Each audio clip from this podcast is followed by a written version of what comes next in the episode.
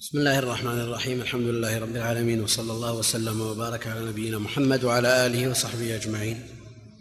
ودرس اليوم عن صحيح مسلم وشروحه وإن كان الوقت لا يفي ولا يكفي لأنه لا بد أن ننهي ما يتعلق بصحيح مسلم اليوم. في الغد؟ نعم.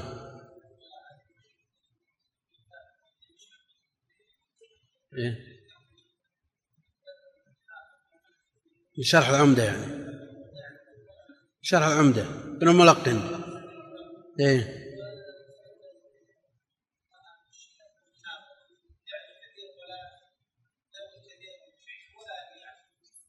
امم ويحصل يحصل كثيرا. وابن الملقن له شرح على البخاري أيضا.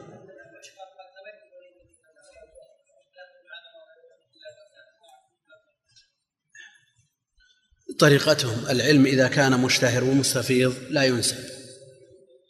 المسائل كما ذكر النووي وغيره أن المسائل المشتهرة المستفيضة وإن نقلت عن شخص لا تنسب لأن العلم ليس بملك لأحد نعم ما يستغرب من الكلام وما ينتقى من من أبكار الأفكار ينسب لقائله. حافظ مشحون بالعزو.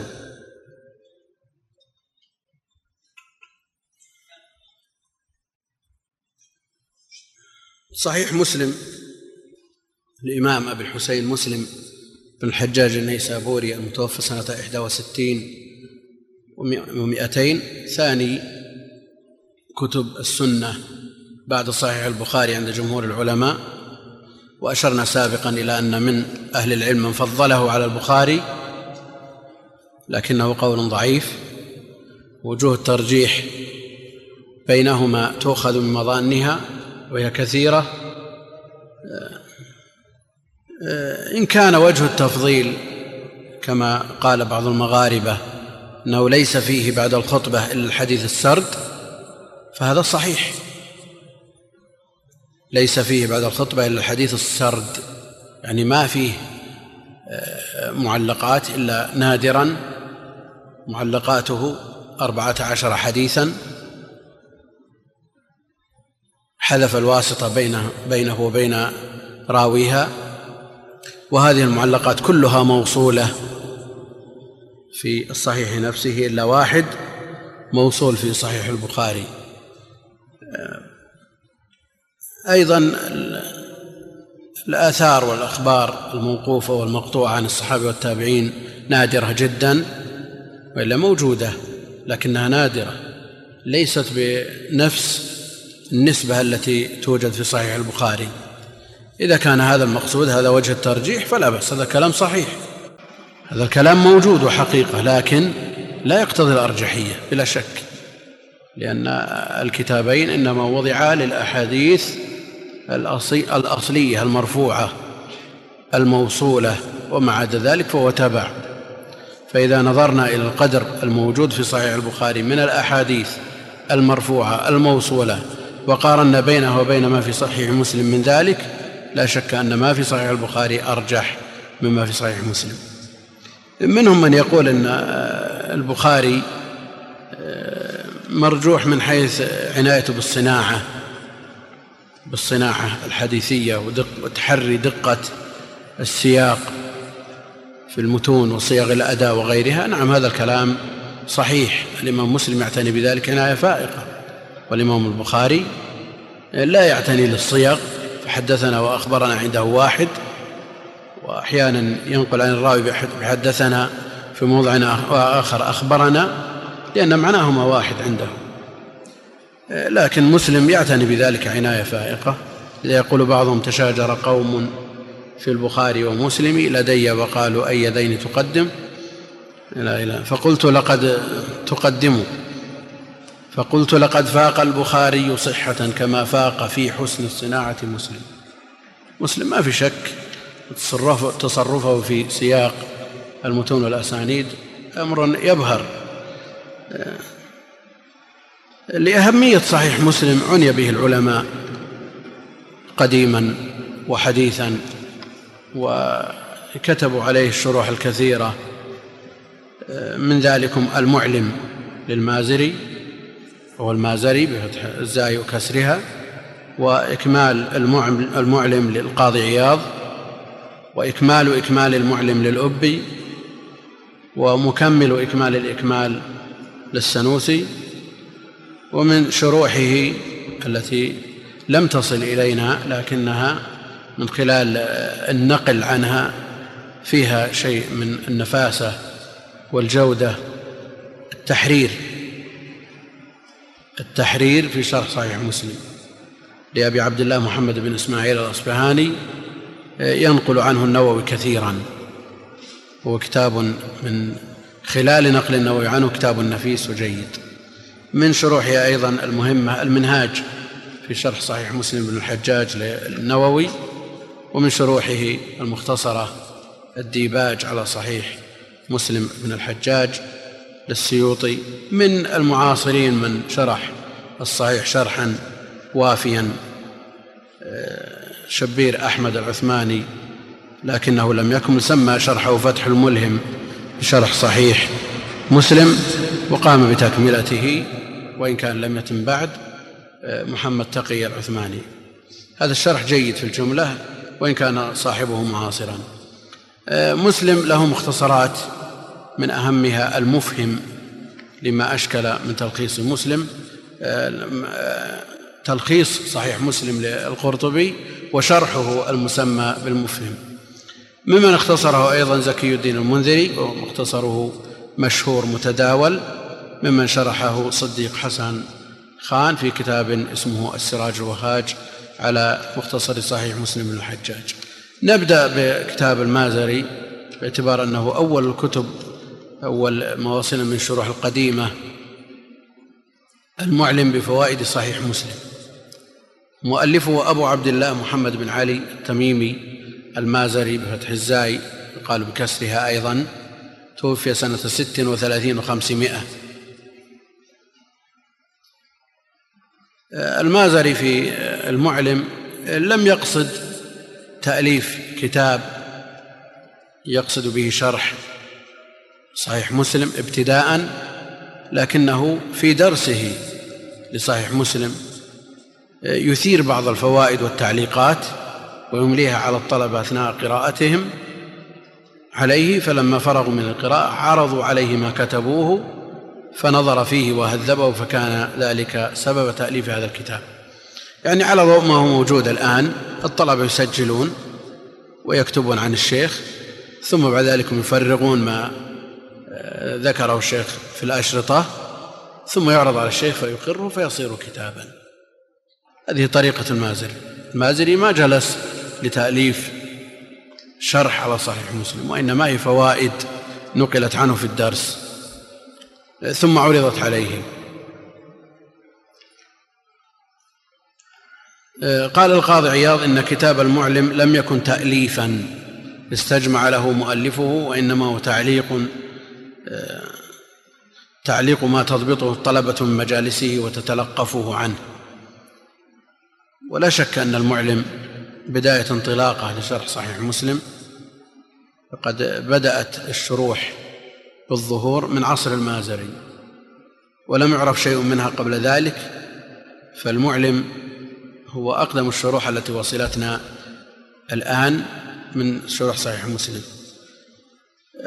من منهج المازري في المعلم أنه لم يتعرض لشرح المقدمة مقدمة صحيح مسلم رغم أهميتها.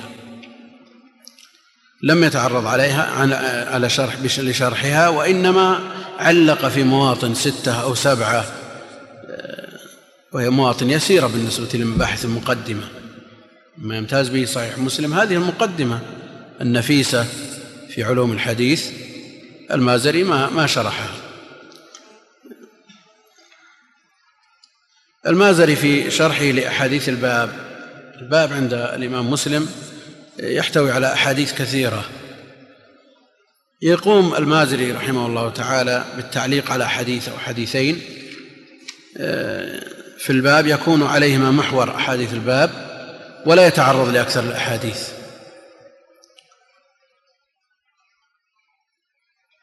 لم يذكر باعتباره تعليق وليس بتأليف لم يذكر جميع الفوائد المتعلقة بالأحاديث التي تعرض لها وإنما اقتصر على نكت يراها تحتاج إلى بيان في مجال الحديث رواية ودراية.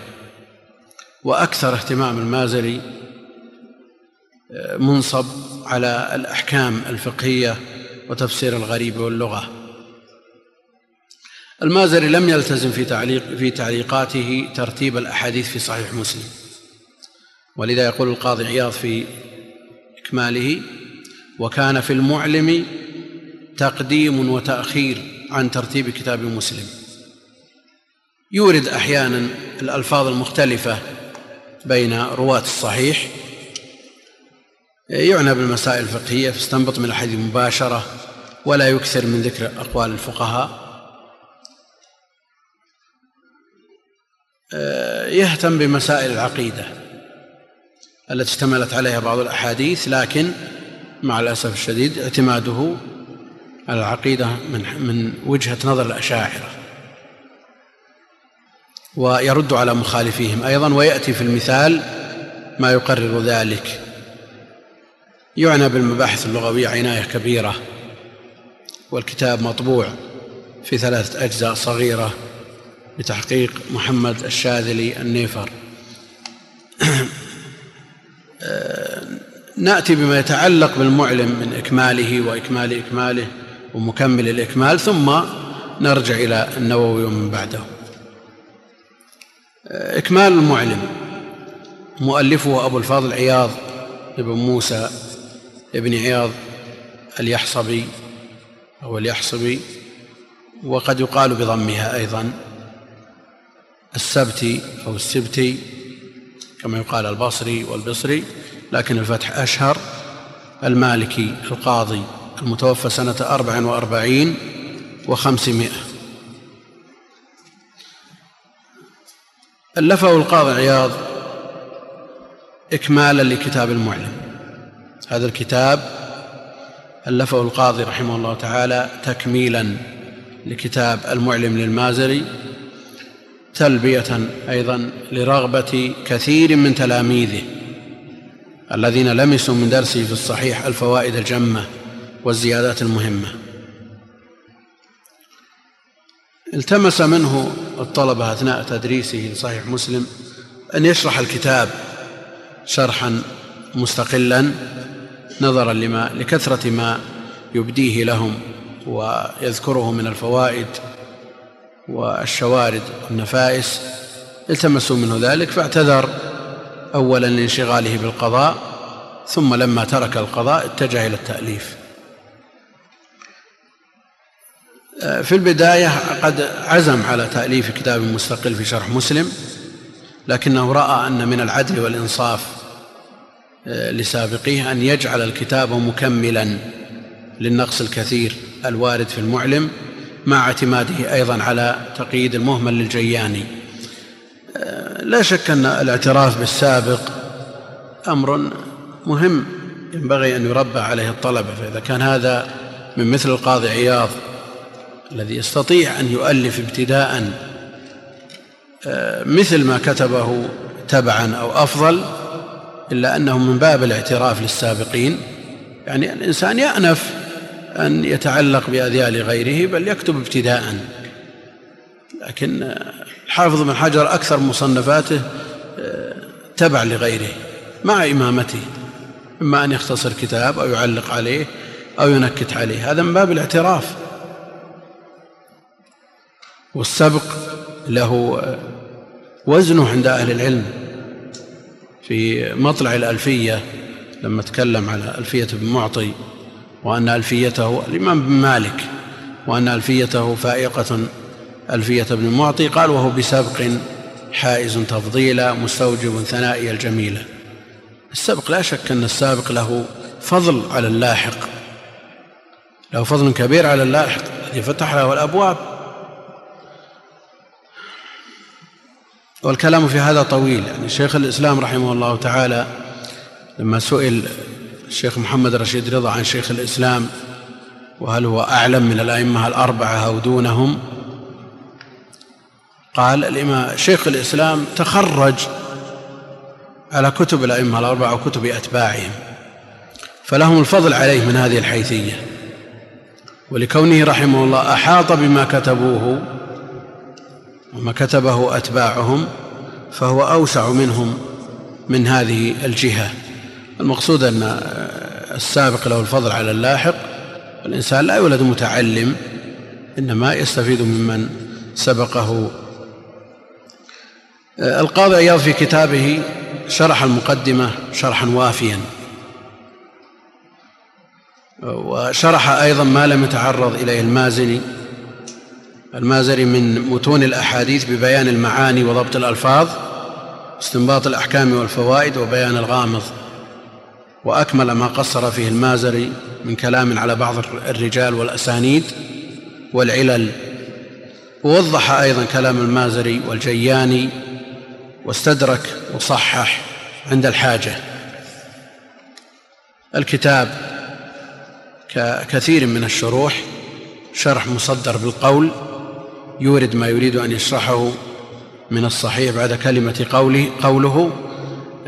كما هو الشأن في كثير من الشروح ومن ذلك فتح الباري وغيره. آه، في مقدمة الكتاب ذكر القاضي عياض رحمه الله السبب الباعث على التأليف وأنه اعتمد على كتاب المازري وكتاب تقييد المهمل لأبي علي الجياني. ثم ذكر أسانيده التي يروي بها صحيح مسلم. ثم بدأ ينقل ما في المعلم.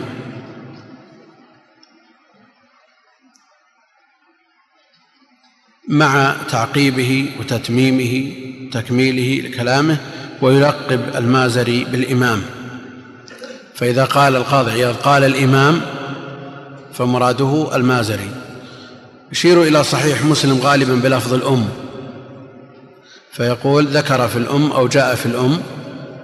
كلام وإن كان يعني يوهم أن أنه الأم للشافعي لكن الأم واحدة الأمهات. نعم. مستفيض عند أهل العلم أن الكتب الستة يقال لها الأمهات الست. فلا نستغرب أن يقال لصحيح مسلم الأم. نعم بلفظ المفرد استعمال نادر لكن المجموع استعمال شائع. قال الأمهات الست. هذا معروف عند أهل العلم. لكن لكتاب واحد يقال الأم هذا غريب وهو ملبس أيضا مع حيث أن للإمام الشافعي كتابا اسمه الأم. وقول الناس الأمهات الذي يراه بعض أهل التحقيق أن جمع أم في غير بني آدم بدون هاء في بني آدم يقال أمهات وبذلك جاء القرآن والنصوص. في غير بني آدم يقال أمات بدون هاء.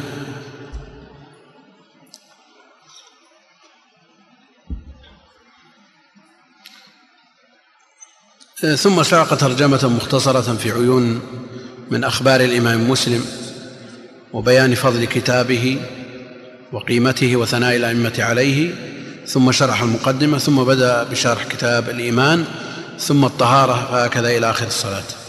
إلى آخر الصحيح.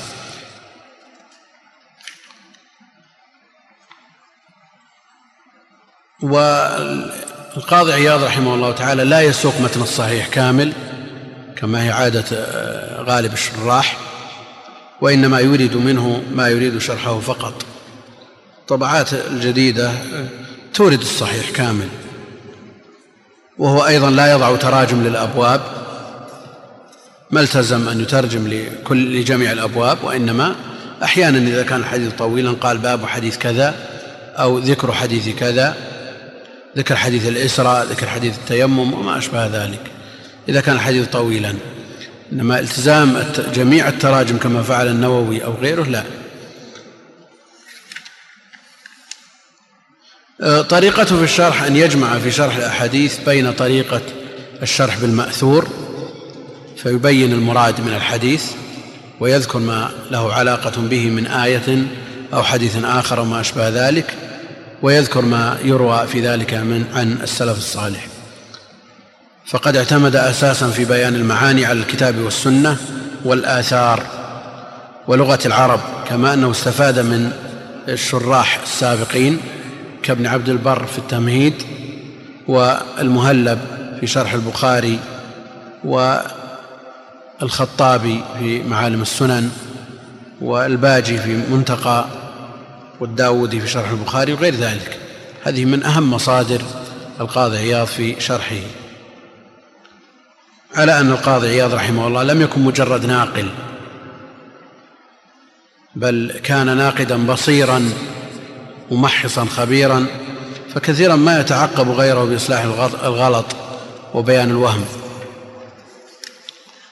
القاضي عياض رحمه الله تعالى مالكي المذهب كما هو معروف. غالبا ما يرجح مذهب الإمام مالك لكنه يخرج عنه ويرجح غيره إذا كان الدليل بخلاف ما رآه الإمام مالك. وهذا من إنصافه رحمه الله. بالنسبة لمسائل الاعتقاد قاسم يشترك فيه آه، المازري والقاضي عياض والأبي والسنوسي وأيضا النووي كلهم يشتركون على أن على تقرير مسائل الأسماء والصفات أو الأسماء والصفات على مذهب الأشاعرة كلهم. آه، قبل ما نذكر شيء من هذه الصفات أن مسألة في صدر الصحيح. الإمام مسلم رحمه الله تعالى يقول فإذا عزم لي تمامه فإذا عزم لي تمامه.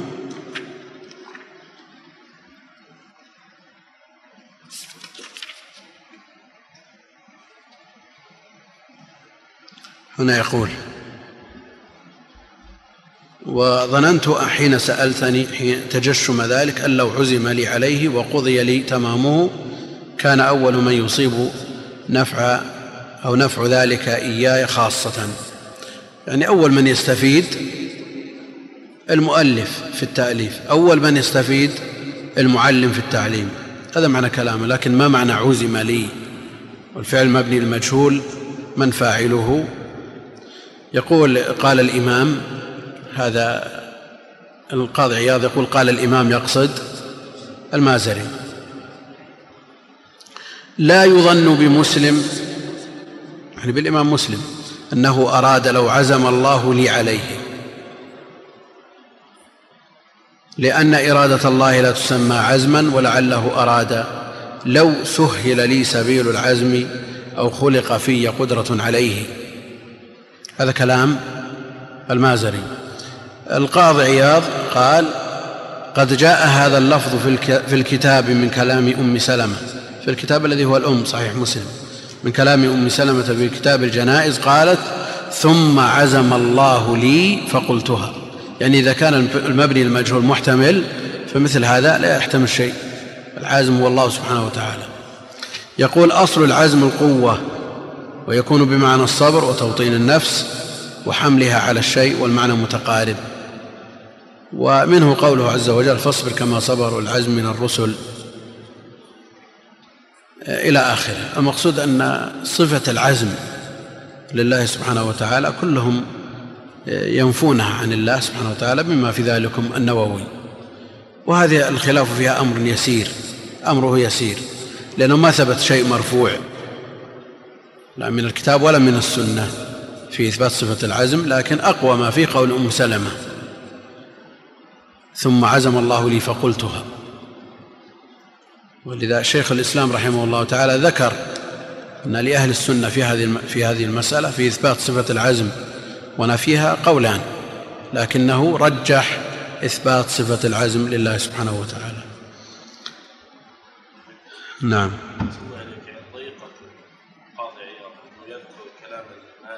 نعم. ثم يكمل عليه نعم. يعني يعتبر المعلم تضمن كتاب المعلم غالبا غالبا. قد يقول إلى آخره نعم. وحينئذ فلا يستغنى عن كتاب المازري قد يقول إلى آخره قال الإمام كذا إلى آخره. فالخلاف في مثل هذه يسير لكن في مثل تأويل صفة الضحك.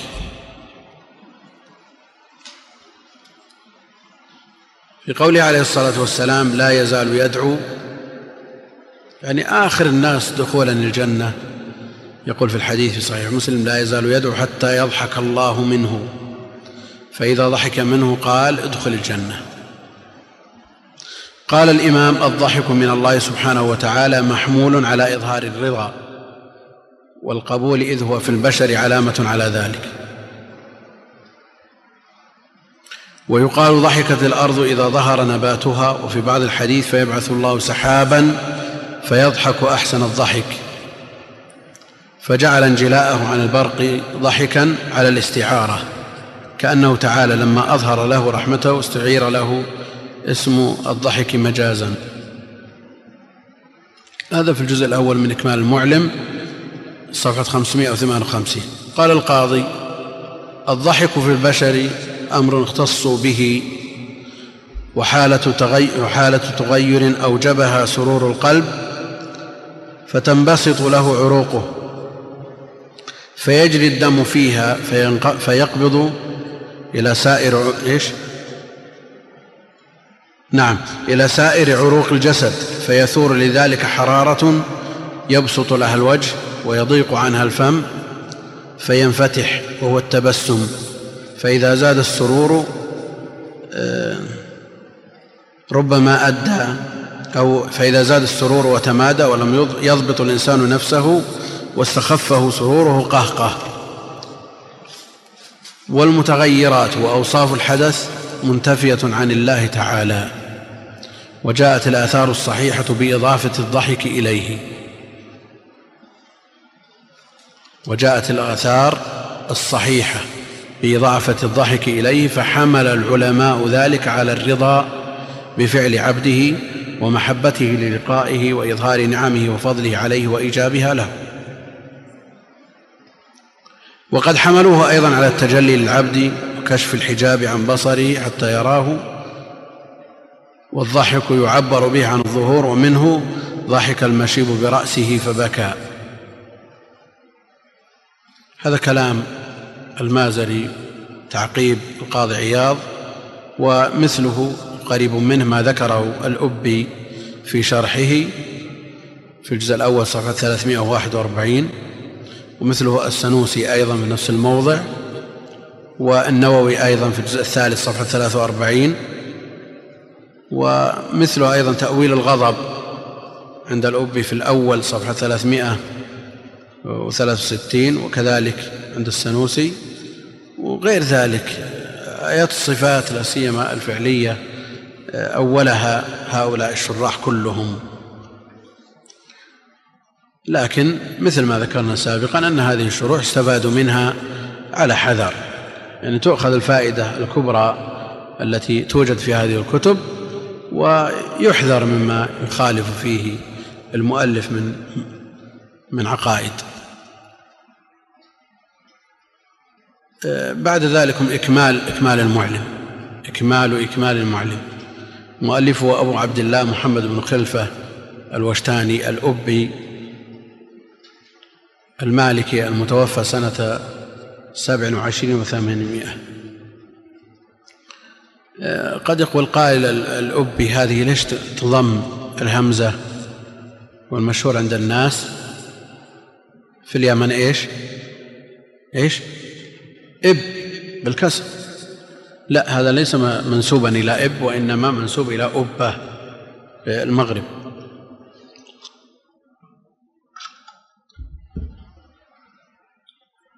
يقول في مقدمته أما بعد فإن هذا تعليق أمليته على كتاب مسلم ضمنته كتب, كتب شراحه الأربعة المازري وعياض والقرطبي والنووي. مع زيادات مكملة تنبيه على مواضع من كلامهم مشكلة ناقلا لكلامهم بالمعنى لا باللفظ حرصا على الاختصار. مع ما في ذلك من بيان ما قد يعسر فهمه من كلام بعضهم لتعقيده. لا سيما من كلام القاضي عياض. يقول سمعت شيخنا أبا عبد الله محمد بن عرفة رحمه الله تعالى يقول ما يشق علي فهم شيء ما يشق من كلام عياض في بعض المواضع من الإكمال. الآن الإكمال يقرأه طالب العلم يستفيد منه كثيرا. نعم قد يشكل عليه بعض الأشياء لكن هذا كلام بن عرفة. ماذا يقول؟ يقول ما يشق علي فهم شيء ما يشق من كلام عياض في بعض المواضع. هذا كلام ابن عرفة. لكن اسمعوا كلام ابن عرفة في تعريف الإجارة. الإجارة قد يقول قائل أنها لا تحتاج إلى تعريف. لننظر آه هذا الشخص الذي يقول إن كلام عياض يشق عليه ابن عرفة يقول في تعريف الإجارة. انتبهوا يا إخوان. هذا استطراد لا علاقة له بما عندنا لكن يقول في تعريف الإجارة بيع منفعه ما أمكن نقله غير سفينة ولا حيوان لا يعقل بعوض غير ناشئ عنها بعضه يتبعض بتبعيضها. هذا تعريف الإجارة عند ابن عرفة. وابن عرفة هذا الذي يشق عليه كلام القاضي عياض. عن كلامه الذي يحتاج إلى يعني إذا كان موجود يمكن يوضح لكن ما استطاع أيضا التوضيح لمن استدرك عليه في نفس المسألة. يقول بيع منفعة ما أمكن نقله. غير سفينة ولا حيوان لا يعقل. بعوض غير ناشئ عنها بعضه يتبعض بتبعيضها.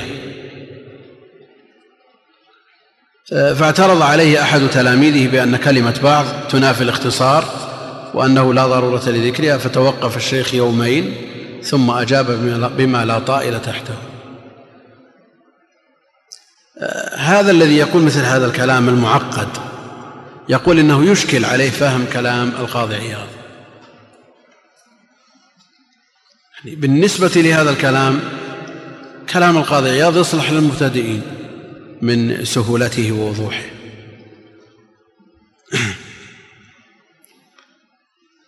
يقول الأبي ولم تعرض للكلام على الخطبة. الأبي لم يشرح الخطبة. لأنها في علم الحديث وذلك شيء آخر ورأيت الأهم البداية بشرح الأحاديث وإن أنسأ الله في الأجل وسهل فسأتكلم عليها إن شاء الله تعالى.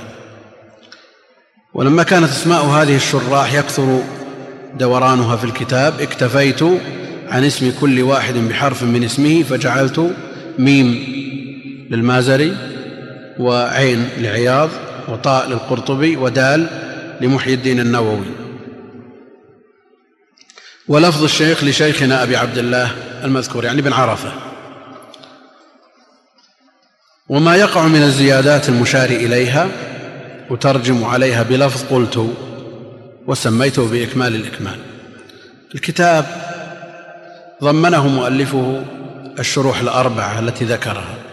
شرح المازري وعياض والقرطبي والنووي.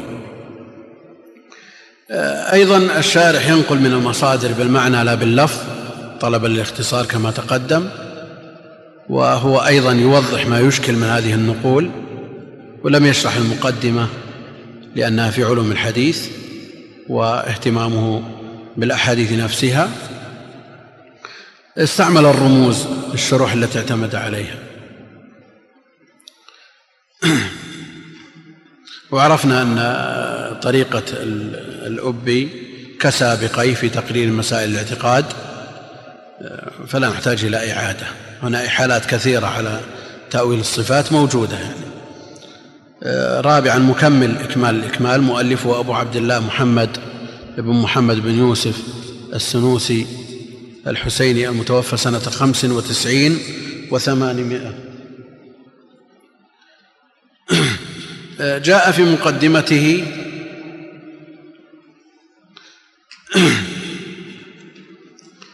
يقول كان من أحسن شروح صحيح مسلم وأجمعها شرح الشيخ العلامة أبي عبد الله الأبي رحمه الله تعالى. أردت أن أتعلق بأذيال القوم وإن كنت في غاية البعد منهم إلا أن يمن الوهاب تعالى باللحاق بعد اليوم. يقول فاختصرت في هذا التقييد المبارك إن شاء الله تعالى معظم ما في الشرح. معظم ما في هذا الشرح الجامع من الفوائد وضممت إليه كثيرا مما أغفله مما هو كالضروري لا كالزوائد. وأكملته أيضا بشرح الخطبة. فتم النفع والحمد لله تعالى بشرح جميع ما في الكتاب. وجاء بفضل الله تعالى مختصرا يقنع أو يغني عن جميع الشروح وما فيها من تطويل أو مزيد إطناب فهو جدير إن شاء الله تعالى أن يسمى لذلك بمكمل إكمال الإكمال. استعمل الرموز أيضا فباء آه، للأبي وعين لعياض وطاء للقرطبي وحاء للنووي يعني محي الدين وصاد للأصل في صحيح مسلم وشين للشرح. شرح هو شرح أيضا بالقول كسوابقه. المقصود أن هذا الشرح لا شك أن في شيء من التكميل لمن تقدمه. كما أن إكمال الإكمال مكمل لما قبله وإن كانت الزوائد في هذين الكتابين يسيرة جدا. الزوائد في عند الأبي والسنوسي يسيرة جدا بالنسبة لما ذكره القاضي عياض ثم ما في شرح النووي على ما سيأتي. يعني لو قيل على ما نقتصر في بالنسبة للبخاري قد تقدم ذكره نقول الذي لا يريد أن يقتني إلا شرح واحد فعليه بفتح الباري. وإن كان قد يحتاج في غالب الأحوال أو يحتاج في كثير من الحالات إلى القسطلاني لضبط الألفاظ. فإذا جمع بين إرشاد الساري وفتح الباري اكتفى بهما عن غيرهما آه، بالنسبة لصحيح مسلم يعني لو اقتصر على شرح القاضي عياض مع شرح النووي كفاه. ذلك لأن زيادات الأبي والسنوسي آه، قليلة نادرة. آه، لا تستحق أن أن يفرد لها شرح. نعم لو علقت على شرح النووي أو شرح القاضي عياض كان جيد. كيف؟ المفهم فيه زيادات فيه بسط لكثير من المسائل الفقهية والأصولية وما يتعلق باللغة العربية لكنه ليس بشرح للصحيح إنما هو شرح للمختصر لكن يستفاد منه في فهم الصحيح بلا شك.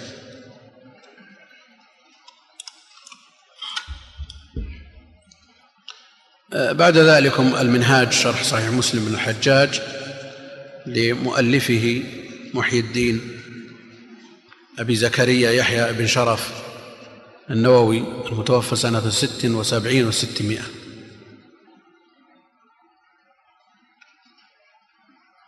عن كم؟ ست وسبعين وستمائة. مولده متى؟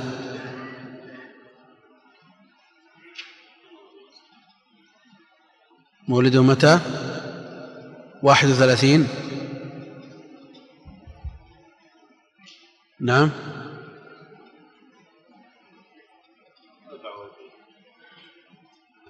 كم؟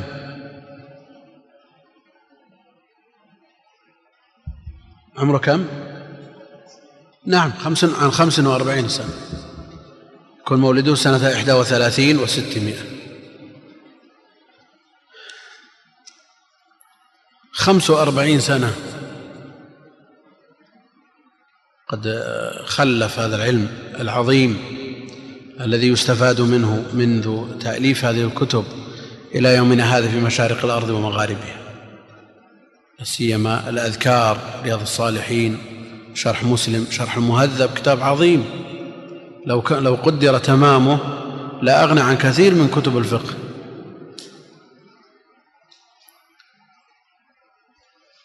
هذه بركة من الله سبحانه وتعالى. هذا القدر اليسير من العمر ينتج فيه هذا النتاج العظيم مع أنه لم يكن يشغل عمره أو جل وقته بالتصنيف لا. عنده في اليوم 12 درس. في اليوم الواحد 12 درس. والعبادة تأخذ من وقته الشيء الكثير. فهو معدود من العباد. رحمه الله.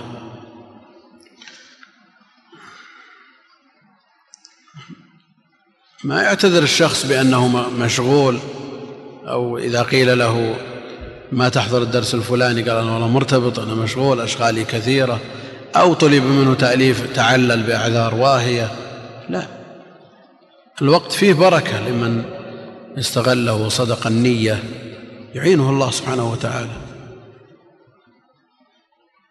إذا كان يعرف أناس يداومون الدوام الكامل في هذه الأيام يدرسون لهم حلقات وعندهم أعمال أخرى ويوجد وإن كان نادر من يختم القرآن ممن هذه صفته كل يوم. ويزور المقابر في كل أسبوع يزور المستشفيات يصل الأرحام. ودوامه كامل يعني من ثمان إلى ثنتين. إعانة من الله سبحانه وتعالى وإلا أكثر الناس يضيع عمره سدى. فالنووي من هذه الشاكلة. مؤلفات قصر عمر عبادة تذكر آه، كثرة دروس آه، شفاعات كثيرة جدا لذوي الحاجات عند الولاة. حتى أنه آه، أمر بالكف عن هذه الشفاعات فما امتثل. رحمه الله. الإمام النووي رحمه الله تعالى افتتح كتابه بمقدمة أوضح فيها منهجه في شرحه وأنه آه، شرح متوسط بين المختصرات والمبسوطات. آه، لا من المختصرات المخلات ولا من المطولات المملات. يقول ولولا ضعف الهمم يعني كما قال في شرح البخاري ولولا ضعف الهمم وقلة الراغبين آه، وخوف عدم انتشار الكتاب لقلة الطالبين المطولات لبسطته فبلغت به ما يزيد على مئة من المجلدات. من غير تكرار ولا زيادات عاطلات بل لكثرة فوائده وعظم عوائده الخفيات والبارزات إلى أن قال فأذكر فيه إن شاء الله تعالى جملا من علومه الزاهرات من أحكام الأصول والفروع والآداب والإشارات الزهديات وبيان نفائس من أصول القواعد الشرعيات. يقول وإيضاح معاني الألفاظ اللغوية وأسماء الرجال وضبط المشكلات وبيان أسماء ذوي الكنى وأسماء آباء الأبناء والمبهمات تنبيه على لطيفة من حال على لطيفة من حال بعض الرواة وغيرهم. واستخراج لطائف من خفيات علم الحديث من المتون والأسانيد المستفادات وضبط جمل من الأسماء المؤتلفات والمختلفات والجمع بين الأحاديث التي تختلف ظاهرا ويظن بعض من لا يحقق صناعتي الحديث والفقه وأصوله كونها متعارضات. وأنبه على ما يحضرني في الحال في الحديث من المسائل العمليات وأشير إلى الأدلة في كل ذلك إشارات إلا في مواطن إلا في مواطن الحاجة إلى البسط للضرورات.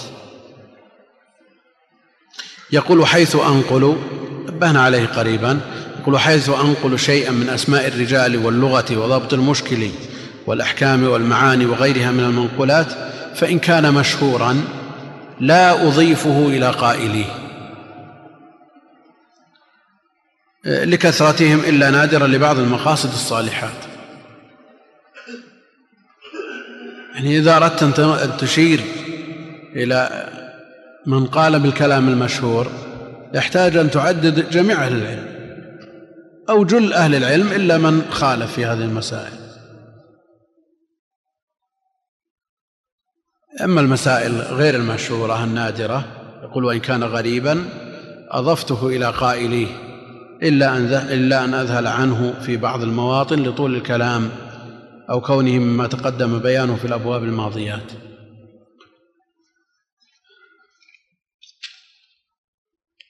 وإذا تكرر الحديث أو الاسم أو اللفظة من اللغة ونحوها بسطت المقصود منه في أول مواضعه وإذا مررت على الموضع الآخر ذكرت أنه تقدم شرحه وبيانه في الباب الفلاني من الأبواب السابقات. ثم قدم بين يدي الشرح فصولا آه، مهمة جدا ينبغي لطالب العلم أن يعتني بها وأن يقرأها ويفهمها.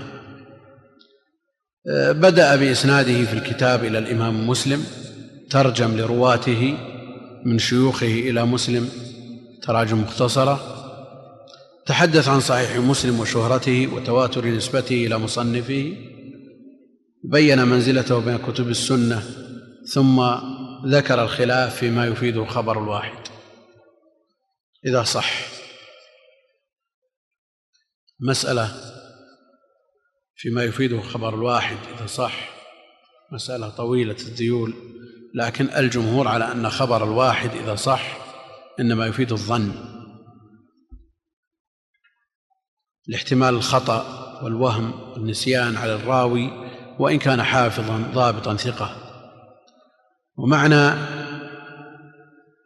إفادة الظن أنه لا يقطع به يعني لا يعني لا يعني أن الحديث صح وتوافرت فيه شروط القبول أنه يحلف عليه وأن نسبته ثابتة إلى قائله مئة بالمئة. هذا ما قرره النووي في صدر كتابه. وإن قال بعضهم أنه يفيد القطع.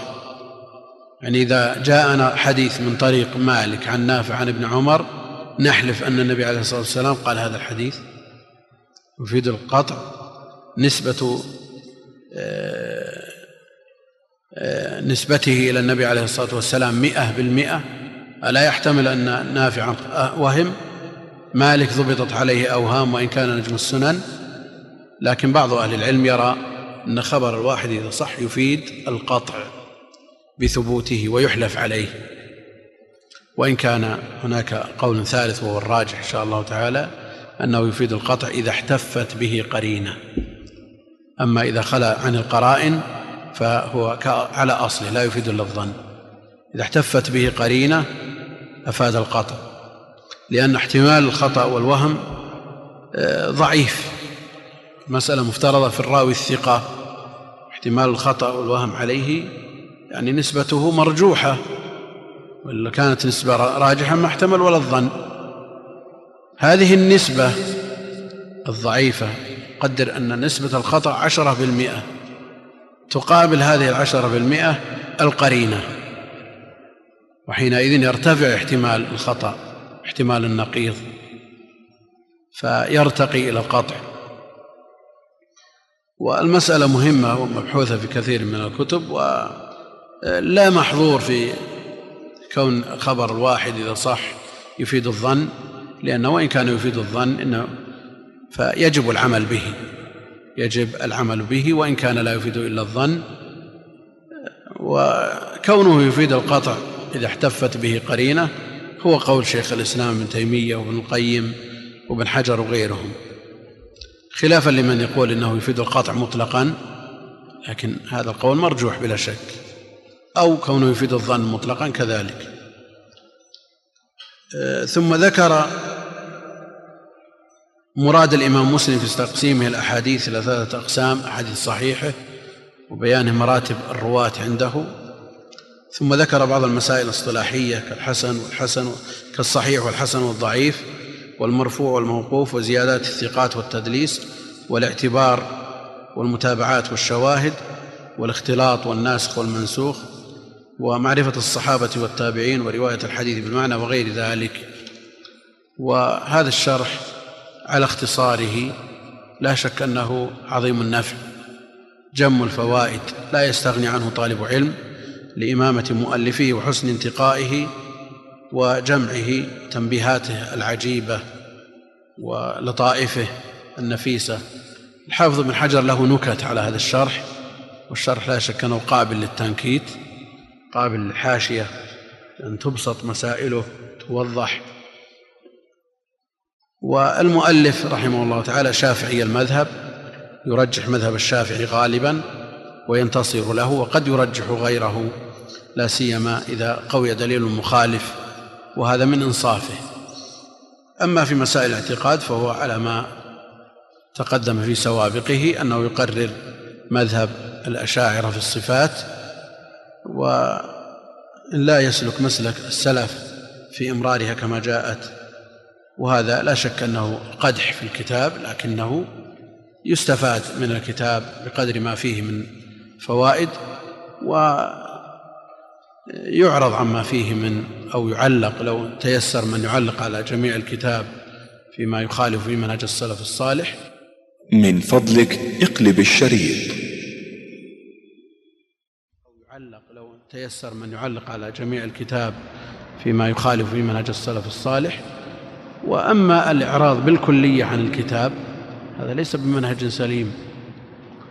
شيخ الإسلام رحمه الله تعالى اعتذر عمن هذا مسلكه في مجموع الفتاوى بإعذار كثيرة حتى أنه اعتذر عمن آه، يظن كثير من طلبة العلم أنه آه، يحرف النصوص.